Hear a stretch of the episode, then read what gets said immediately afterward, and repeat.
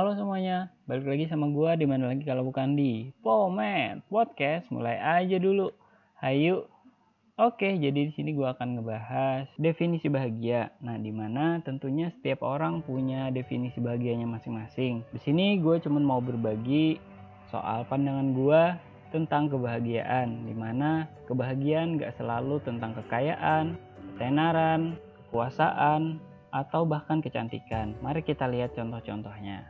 Jika kekayaan bisa membuat orang sangat bahagia, tentu Adolf Merkel yang menyandang gelar orang terkaya di Jerman itu tidak akan membunuh dirinya dengan menabrakkan dirinya ke kereta api. Suming, mantan miliarder asal Cina yang dikabarkan meninggal dalam penjara akibat serangan jantung mendadak dan didakwa atas kasus penyuapan. Jika ketenaran dapat membuat orang bahagia, tentu Michael Jackson, seorang penyanyi terkenal di Amerika Serikat, tidak akan meminum obat tidur hingga overdosis.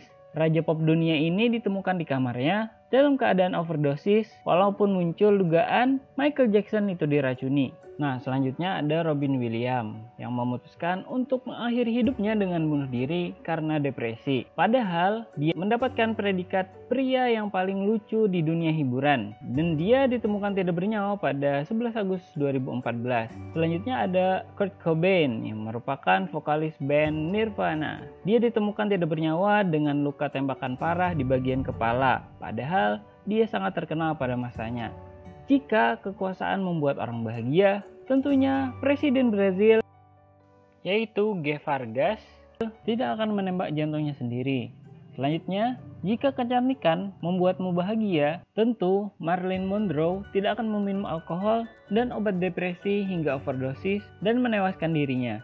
Lalu ada penyanyi tampan Kim Jong Hyun dari boyband Shine. Kematiannya diakibatkan oleh keracunan karbon monoksida dari briket batubara yang ia nyalakan. Lalu ada Gohara, mantan personel girl band Kara. Dia ditemukan tidak bernyawa di kediamannya karena mengalami depresi akibat tekanan dari mantan pacarnya. Dan kabar terbaru datang dari penyanyi sekaligus aktris Korea Selatan, Choi Jin Ri atau akrab dipanggil Suli. Suli dilaporkan bunuh diri dengan cara gantung diri di rumahnya. Dan terakhir, jika kesehatan membuatmu bahagia, tentunya Thierry Costa, seorang dokter terkenal dari Prancis, tidak akan bunuh diri akibat sebuah acara di televisi. Thierry mengakhiri hidupnya ketika dia dikritik di media sosial soal integritasnya sebagai seorang dokter. Kalau kebahagiaan itu bisa dibeli, pasti orang-orang kaya akan membeli kebahagiaan itu. Dan kita akan sulit mendapatkan kebahagiaan karena sudah diborong oleh mereka. Kalau kebahagiaan itu ada di suatu tempat, pasti di belahan bumi lain ini akan kosong karena semua orang akan berkumpul di sana, di mana kebahagiaan itu berada. Untungnya, kebahagiaan itu berada di dalam setiap hati manusia. Jadi, kita tidak perlu untuk membeli atau pergi mencari kebahagiaan itu. Ternyata bahagia atau tidak hidup seseorang bukan ditentukan oleh seberapa kaya, seberapa tenarnya, seberapa cantiknya, atau seberapa kuasa, sehat ataupun suksesnya hidup seseorang. Nah, menurut pendapat gue pribadi, yang bisa membuat seseorang bahagia itu adalah diri kita sendiri, hati kita sendiri, di mana mampukah kita bisa mensyukuri apa yang sudah kita miliki dalam segala hal. Sesuai firman Allah, Quran Surah Ibrahim ayat 7. La in syakartum la azidannakum wa la in kafartum inna azabi lasyadid. Yang artinya, jika kamu bersyukur, maka akan aku tambah nikmat kepadamu dan jika kamu mengingkari nikmatku, maka sesungguhnya azabku sangat pedih. Jadi, yang kita butuhkan adalah hati yang bersih dan ikhlas, serta pikiran yang jernih, maka kita bisa menciptakan rasa bahagia itu kapan pun, di mana pun, dan dalam kondisi apa pun. Jadi, jangan lupa bersyukur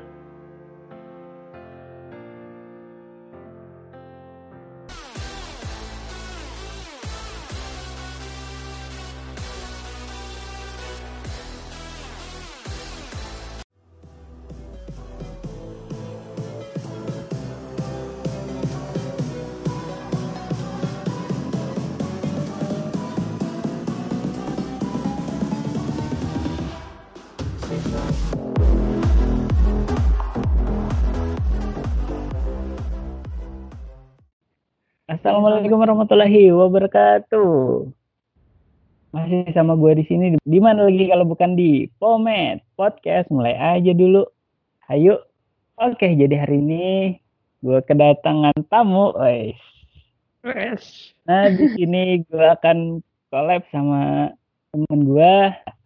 Kita sambut bersama Cherry Ran. Wah, Oke, jadi uh, iya gimana nih kabarnya? Ya kabar aku alhamdulillah baik di rumah aja. Oke, Oke. iya kita kenalan dulu dong. Silahkan Cherry, kenalan dulu. Halo semuanya. aku ucapin terima kasih dulu buat teman aku nih, si Rifki.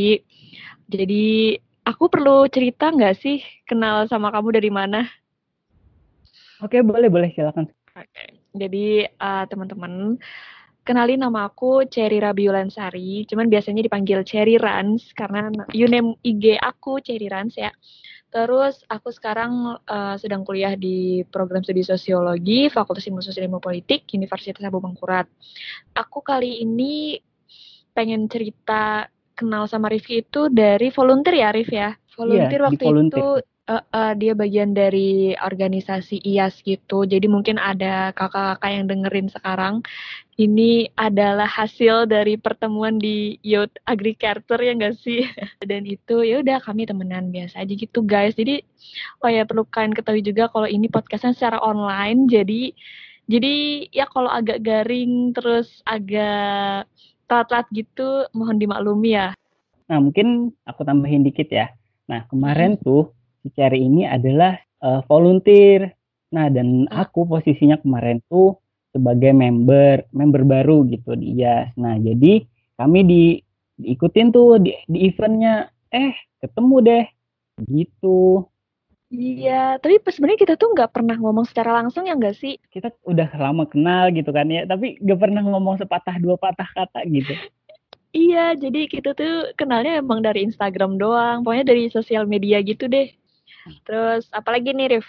Jadi ki- kita nih mau ngomongin apa hari ini? Oke, jadi hari ini kita bakalan ngebahas soal potensi diri nih. Nah, menurut pandangan Cherry sendiri nih, apa sih potensi diri itu? Oke, aku mungkin cerita aja kali ya, sharing-sharing aja ya, nggak mau terlalu gimana-gimana soalnya kalau para pendengar mungkin yang lebih tahu bisa koreksi juga di podcast ini. Jadi gini, eh, tentang potensi diri ya. Aku mungkin cerita dari cita-cita, boleh nggak sih? Iya, boleh banget kok. Silakan. Uh, uh, jadi dulu waktu kecil aku itu suka banget sama IPA. Jadi mungkin aku punya cita-cita itu sebagai dokter dulu ya. Tapi emang seperti bocah-bocah lainnya, pasti pengennya cita-citanya mau jadi apa? Dokter pasti sama kan. Nah, begitu ke SMP, aku mulai uh, menemukan kayak sebuah mungkin bisa dibilang hobi atau minat gitu sejak aku bergabung di organisasi gitu Rif. Nah, ditambah juga tapi itu waktu itu aku masih pengen ini nih berubah bukan jadi dokter lagi tapi jadi apa polisi poluan tuh entah kenapa waktu itu aku sempat dibully Rif dibully sama temen waktu itu dibulinya karena aku nggak ngerjain PR kalau nggak salah gila nggak sih Waduh, seriusan? Emang bilang apa nih?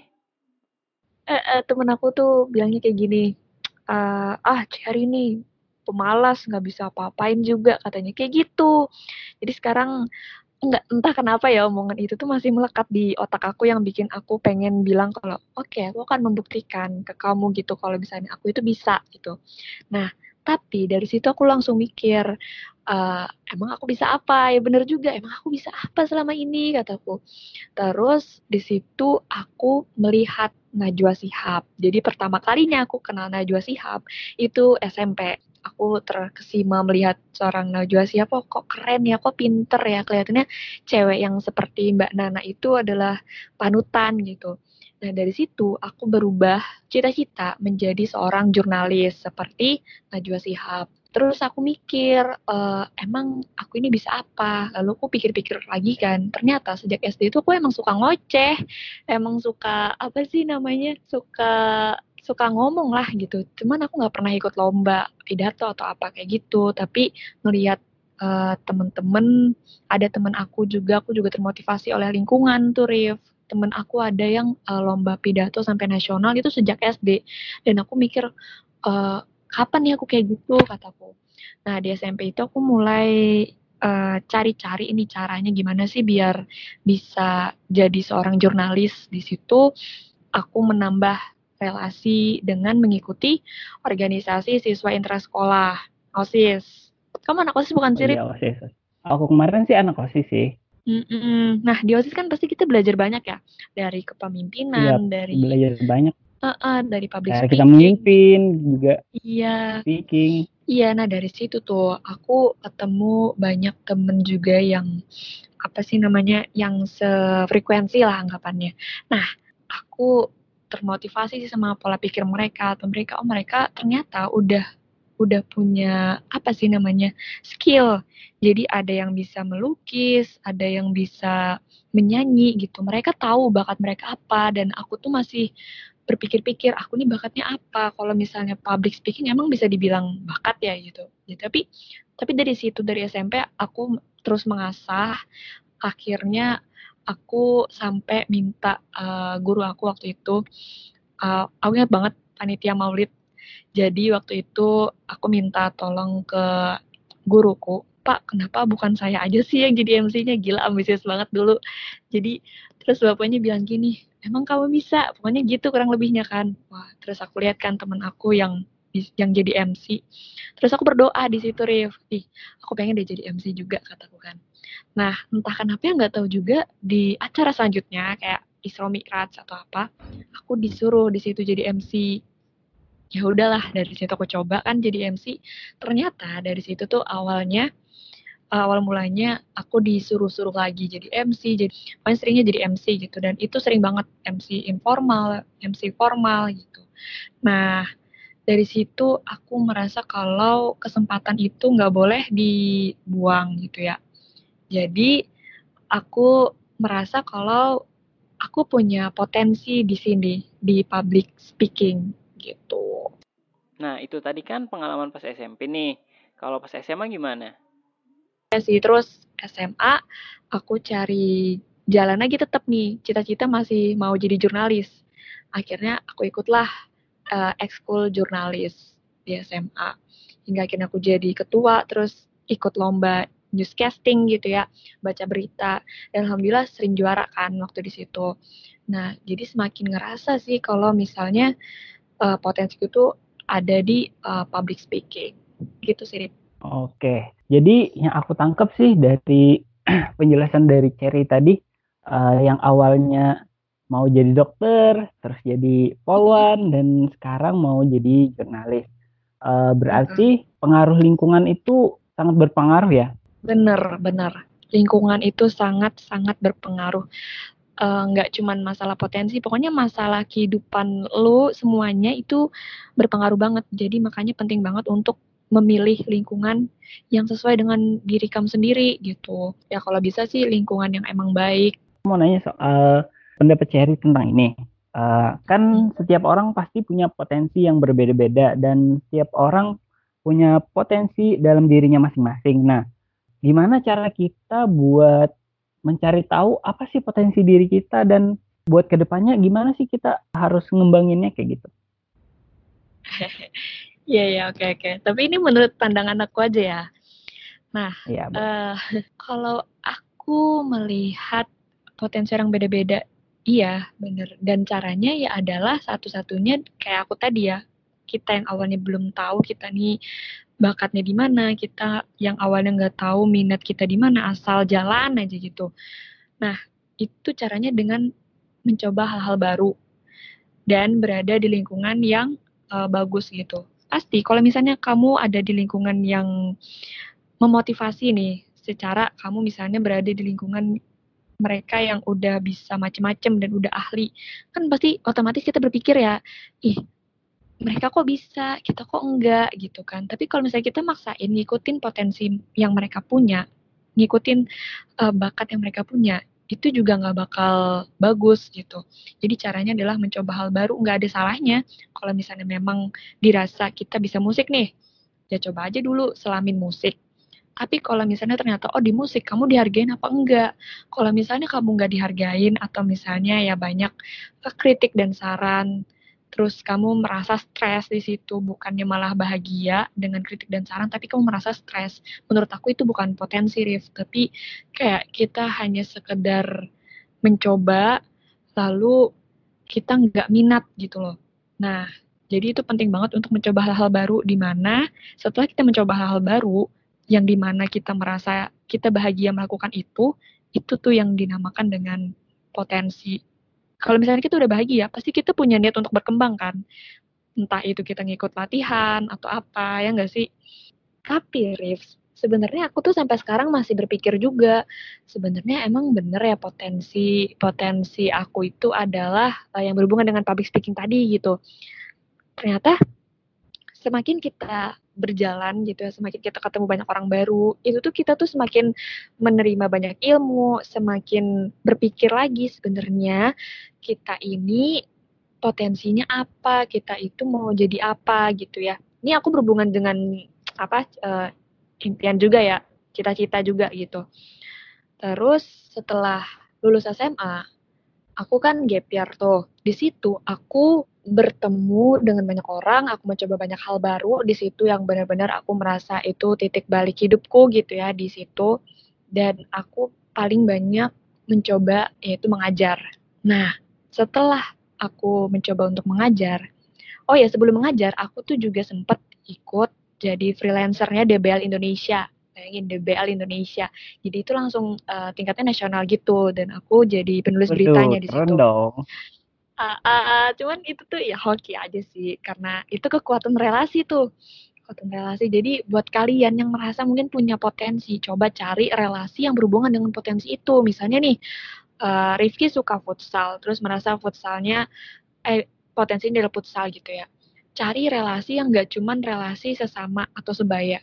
Cari relasi itu kayak langsung pelatih kah langsung kalau bisa pemain timnas langsung why not gitu kan. Nah menurut aku tuh gitu. Terus uh, di situ aku coba ya jadi reporter yang benar-benar reporter nih benar-benar jadi jurnalis nggak cuman sekedar lomba atau apa.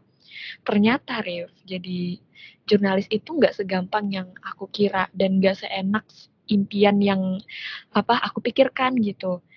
Secara dulu tuh aku mikir wah aku sudah mencapai cita-citaku nih. Ternyata jadi jurnalis itu pertama lu harus stay di tempat di TKP tempat kejadian. Apalagi kalau aku waktu itu reporter ini ya sport. Jadi kita tuh harus harus ngeliat uh, apa sih bolanya masuk ke menit berapa gitu basketnya bola basketnya masuk menit berapa terus siapa yang melakukan pelanggaran dan lain-lain. Dan itu tuh capek banget menurut aku. Belum lagi kita uh, waktu jam makan yang nggak teratur terus waktu ibadah juga kan harus nyempit harus nyempet-nyempetin di mana ada waktu kosong dan memang break acaranya baru bisa untuk beribadah. Nah, di situ aku ngerasa apa bener aku tuh pengen jadi jurnalis ya? Apa bener potensiku tuh adalah di sini gitu. Sebenarnya kalau dirasa potensi, setiap manusia bisa punya potensi menulis, setiap manusia bisa punya potensi public speaking menurut aku gitu. Tergantung mereka mengembangkannya lagi menjadi lebih baik. Nah, dari situ aku mikir kan, ah ternyata jurnalis kayak gini ya ya udah aku berubah lah aku aku nggak terlalu berharap untuk menjadi jurnalis karena aku aku merasa iya aku mikir banyak positif dan negatifnya itu. Nah aku uh, banyak riset gitu kan pros and cons-nya dan sesuai nggak sih sama diri aku? Nah itu penting juga teman-teman buat kita mikir apakah benar yang kita mau, yang kita impikan itu sesuai sama jiwa kita, sama diri kita gitu. Artinya kalau kita ngerasa kita punya potensi nih, jadi kita harus coba dulu ya kayak gitu ya. Terus kita tekuni sambil kita rasakan apakah dari potensi itu sudah sesuai sama passion kita, sama diri kita atau enggak kayak gitu. Dan kayaknya diri aku bukan di sini deh gitu. Tapi setelah aku ikut relawan mengajar kan, ketemu banyak anak-anak, terus apa sih namanya, aku suka mengajar juga, terus aku bahagia di situ. Walaupun aku nggak dibayar, tapi kalau aku bisa ngajar nih, karena relawan kan nggak dibayar nih aku bahagia Rif entah anaknya itu bawel kayak atau apa aku suka gitu dan di situ aku ngerasa oh ternyata memang potensiku tuh adalah uh, berbicara misalnya tapi untuk masalah profesi atau mungkin bisa teman-teman bilang kayak passion, bakat, minat dan potensi jadikan uang itu tuh punya jalannya masing-masing. Jadi potensi itu nggak selalu berujung dengan profesi kita nantinya kayak gitu mungkin ya?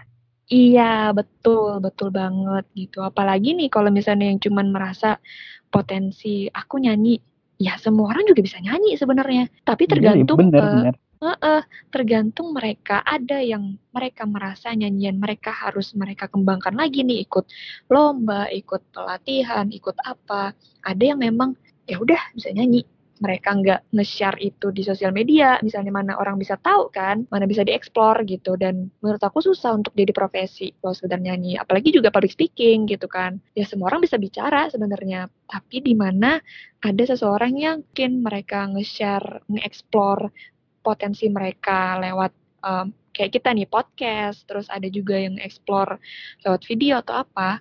Dari situ kan orang-orang pada lihat, wah oh, ternyata dia punya potensi berbicara, dia punya potensi bernyanyi gitu. Oke, jadi tips buat menggali potensi diri teman-teman yang pertama itu adalah pertama uh, itu mencoba hal-hal baru gitu. Semakin banyak pengalaman, maka semakin banyak pula ilmu-ilmu atau perspektif yang kita dapat.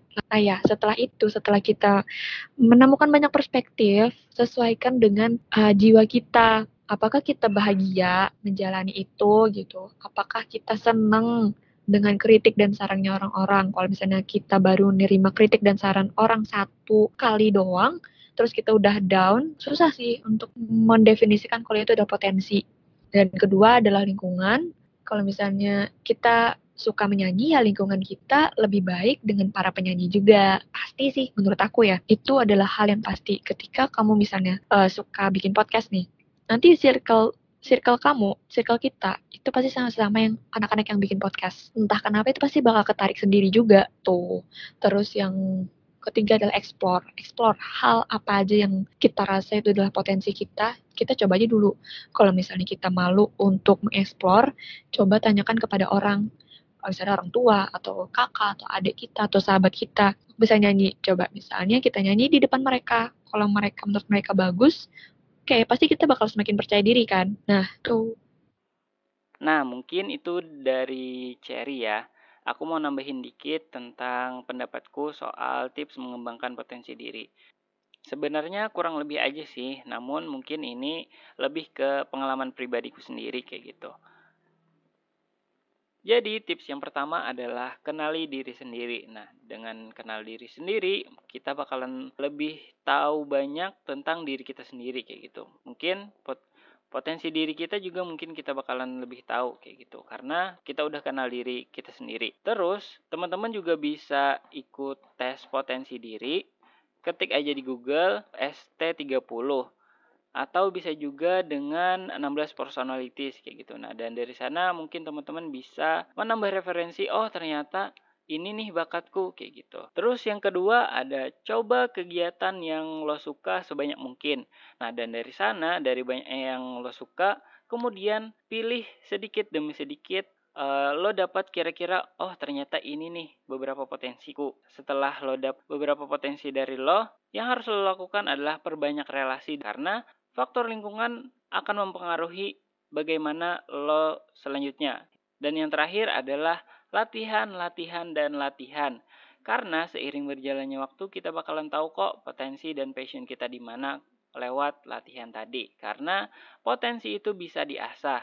Jadi yang lo harus lakukan setelah lo dapat potensi lo, lo asah sampai jadi tajam. Nah mungkin itu tips dari gue untuk mengembangkan potensi diri gitu. Iya bener banget Rip. Jadi hmm, rangkumannya ya yang dengan ceritaku yang panjang lebar tadi. Nah mungkin kayak gitu aja teman-teman yang bisa kami berikan. Ini murni dari pendapat uh, kami sendiri. Jika salah Mohon maaf. Uh, jadi mungkin teman-temannya Rifki atau pendengarnya sekalian yang sekarang uh, aku juga mau ngucapin makasih udah dengerin podcast kita, podcast kami dan kalau misalnya memang ada kritik dan saran dan aku yakin pasti pendengar juga punya pengalaman yang lebih bisa banget sharing ke kita ya Rif ya. Iya bener banget. Jadi buat teman-teman yang punya kritik dan saran bisa langsung aja DM ke Instagram aku uh, rifki.abd underscore dan bisa juga lewat email yaitu pometpodcast at gmail.com dan jangan lupa dengerin uh, podcastnya Cari di mana Car? Iya, jangan lupa dengerin podcast aku bisa di Spotify, di Anchor, namanya Podshare. Podcastnya Cherry. Nah, jadi buat teman-teman yang mau dengerin podcastnya Cherry langsung aja di Anchor maupun di Spotify, langsung aja cari Podcer gitu ya, Car. Podcer. Oke. Okay. Uh, eh, thank you banget buat Cherry yang hari ini mau berbagi pengalaman, berbagi iya, insight. Ya, sama-sama. Uh, jadi sampai jumpa di video selanjutnya. Gue Rifki cabut. Dan gue Cherry juga cabut. Terima kasih. Wassalamualaikum warahmatullahi wabarakatuh.